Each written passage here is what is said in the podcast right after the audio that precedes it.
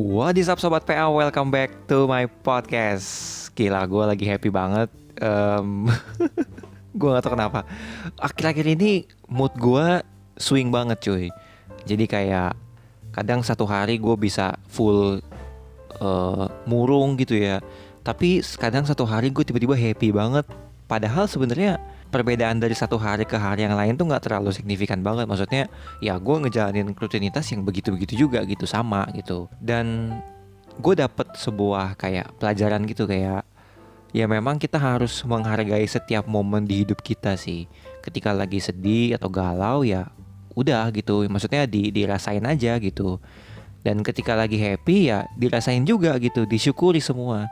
Dan itu gue bener-bener ngerasain kayak jadi lebih bermakna aja sih at least lo nggak menambah pressure ke diri lo sendiri at least lo menerima bahwa ya ya udah emang keadaan gue lagi gini ya gue harus nikmati karena itu semua kan bagian dari emosi di dalam diri gue yang memang harus gue kenali sehingga itu jadi salah satu cara gue buat belajar untuk menerima diri sehingga gue bisa belajar terus untuk bisa love myself. Oke, okay.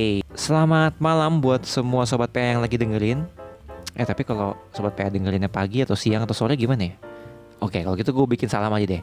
Selamat pagi menjelang siang keburu sore Tapi udah malam buat sobat PA yang lagi dengerin episode ke-53 ini ya.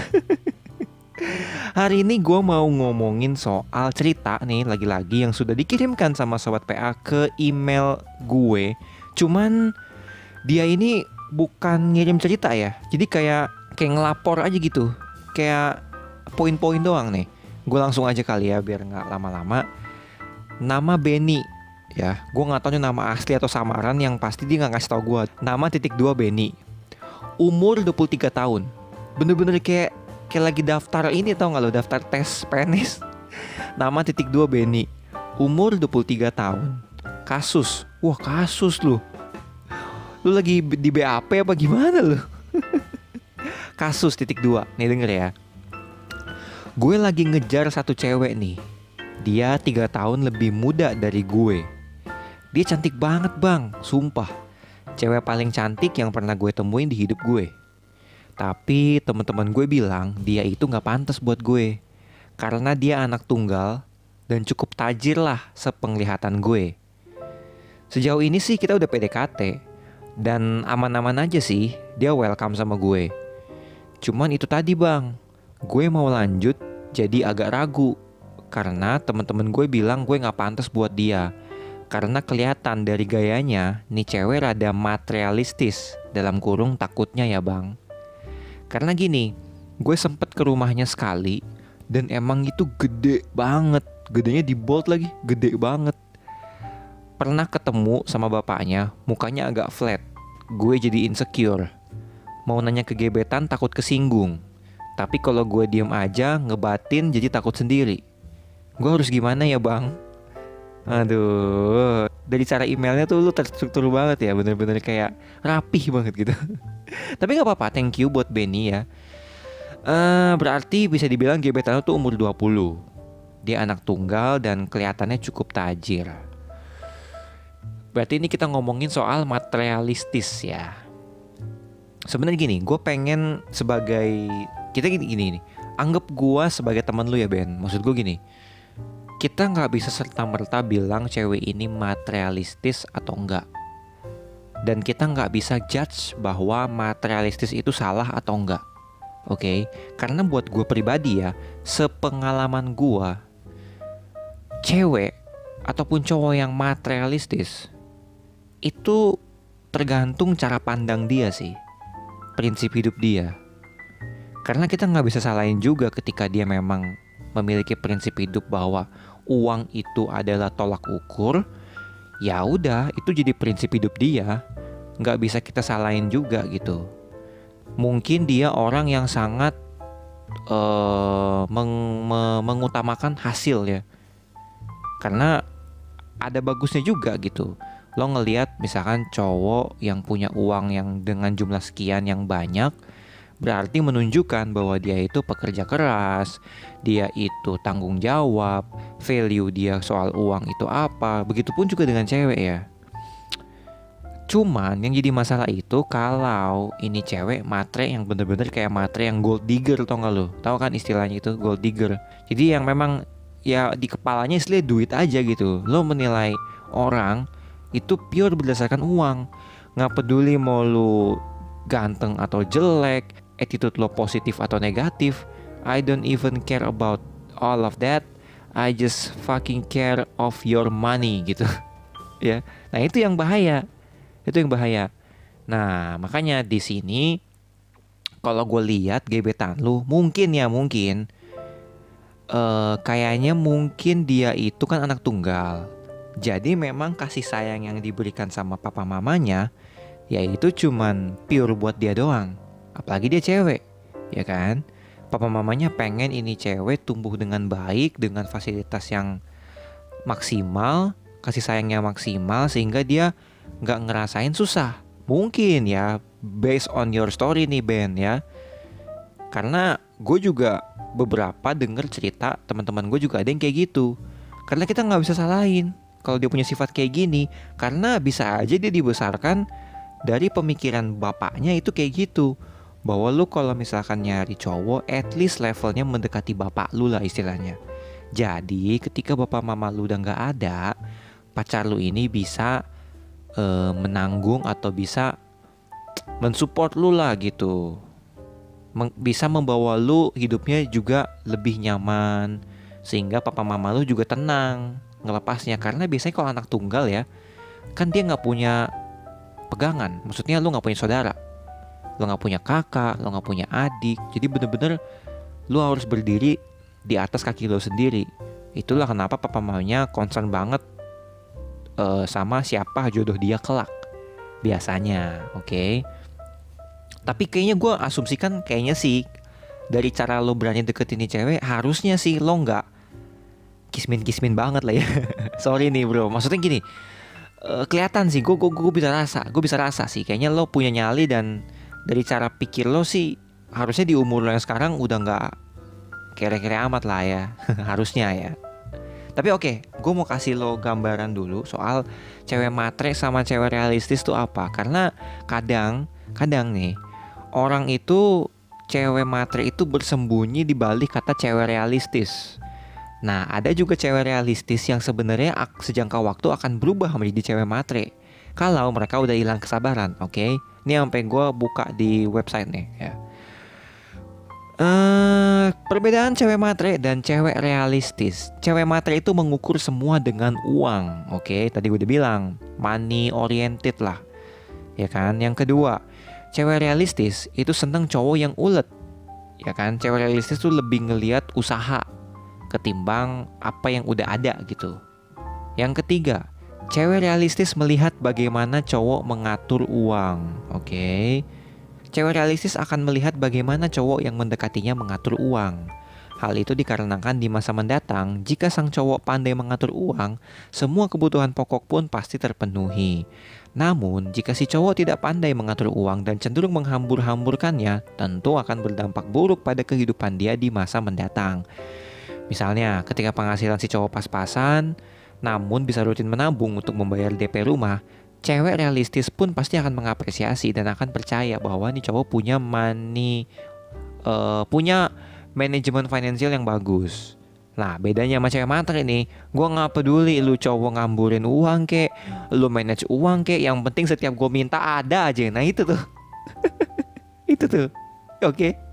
Yang keempat Cewek matre itu akan meminta barang tanpa peduli caranya gimana. Tadi gue baru bilang kan ya kan Gue gak peduli mau uang lu dapet gimana caranya Lu mau nyolong kek, rampok kek, korup kek I don't even care about that. Yang penting setiap gue minta ada. Nah, Itu tuh.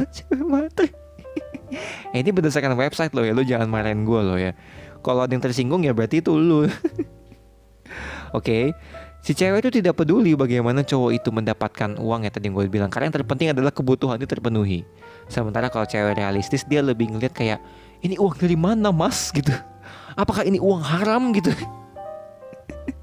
Jadi cewek realistis tuh lebih punya konsep bahwa gue minta nih ya dibeliin syukur enggak juga ya udah. Dan kebanyakan cewek realistis itu lebih berusaha sendiri untuk mendapatkan apa yang dia mau. Apalagi di zaman sekarang dengan adanya kesetaraan gender ya kan? Cewek biasanya lebih kayak gitu. Next cewek matre akan mudah meninggalkan pacar di saat susah. Nah ini udah umum lah ya common sense. Lu juga pasti tahu lah. Nggak usah gue jelasin lagi. Yang keenam cewek realistis membutuhkan jaminan. Nah ini yang penting nih. Ini yang penting.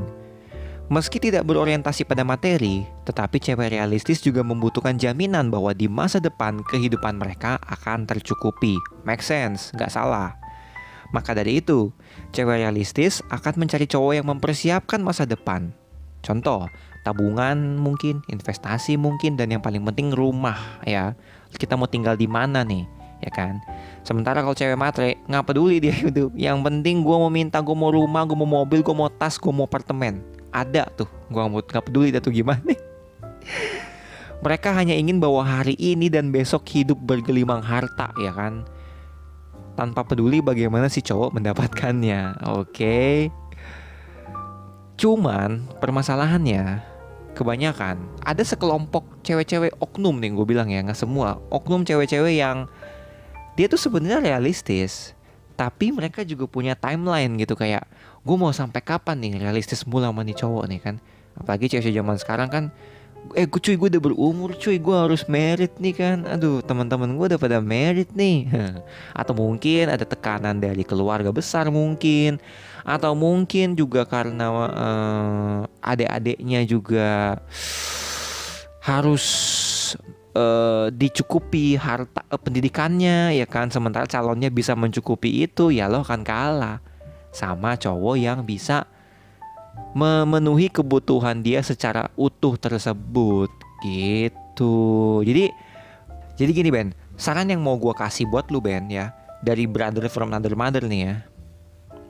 Gue mau bilang bahwa menurut gue kalau lo udah yakin sama nih cewek dan nih cewek belum ada gelagat yang menunjukkan bahwa dia ini matre, coba aja lu kedeketin terus.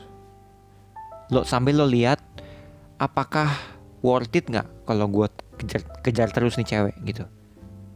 Karena gini gue nggak pengen lo nyesel di kemudian hari Ben.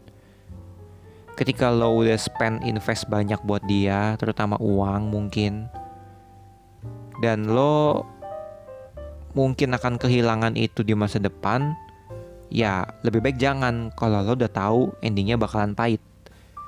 Tapi kalau lo nggak ngerasa dia matre dia bisa cukup dewasa, why not? Chase her, chase her. Hmm, jangan diem, chase her, kejar cinta lo. Gue support kok. Asal lo jangan sampai nggak peduli sama diri lo sendiri. Kayak lo melupakan mimpi lo, lo jadi nggak produktif, lo bekerja keras demi cewek lo, jangan itu ya. Lo bekerja keras demi diri lo, oke? Okay? Jadi ketika tuh cewek ninggalin lu, lu tetap bahagia, lu tetap penuh, lo nggak ngerasa kehilangan. Maksudnya kehilangan dalam arti lo putus asa, lo jadi nggak semangat kerja, lo jadi kayak ngerasa bahwa dunia ini hancur, enggak enggak enggak. Lo kerja itu demi diri lo sendiri dulu, lebih produktif. Oke? Okay? Dan ketika lo udah dapet uang dari hasil kerja keras lo, jangan juga lo spend buat tuh cewek semua ya, jangan. Lo harus manage berapa persen buat lu, buat tabungan lu, buat investasi lu, baru selebihnya lu pakai buat uang main lah sama dia, uang jalan-jalan, uang nonton atau apa pun itu. Makanya kayaknya better kalau di next episode gue bahas soal manajemen keuangan buat lo yang masih pacaran, terutama buat cowok-cowok yang keuangannya masih soso. Karena bisa kok kalau keuangan lo masih soso dan lu pacaran juga masih bisa, at least uh, ada lah berapa persen untuk tabungan, berapa persen untuk lo kebutuhan lo pribadi, berapa persen untuk lo jalan-jalan, bisa asal lo mau. Dan asal cewek lo juga mau kerja sama sama lo.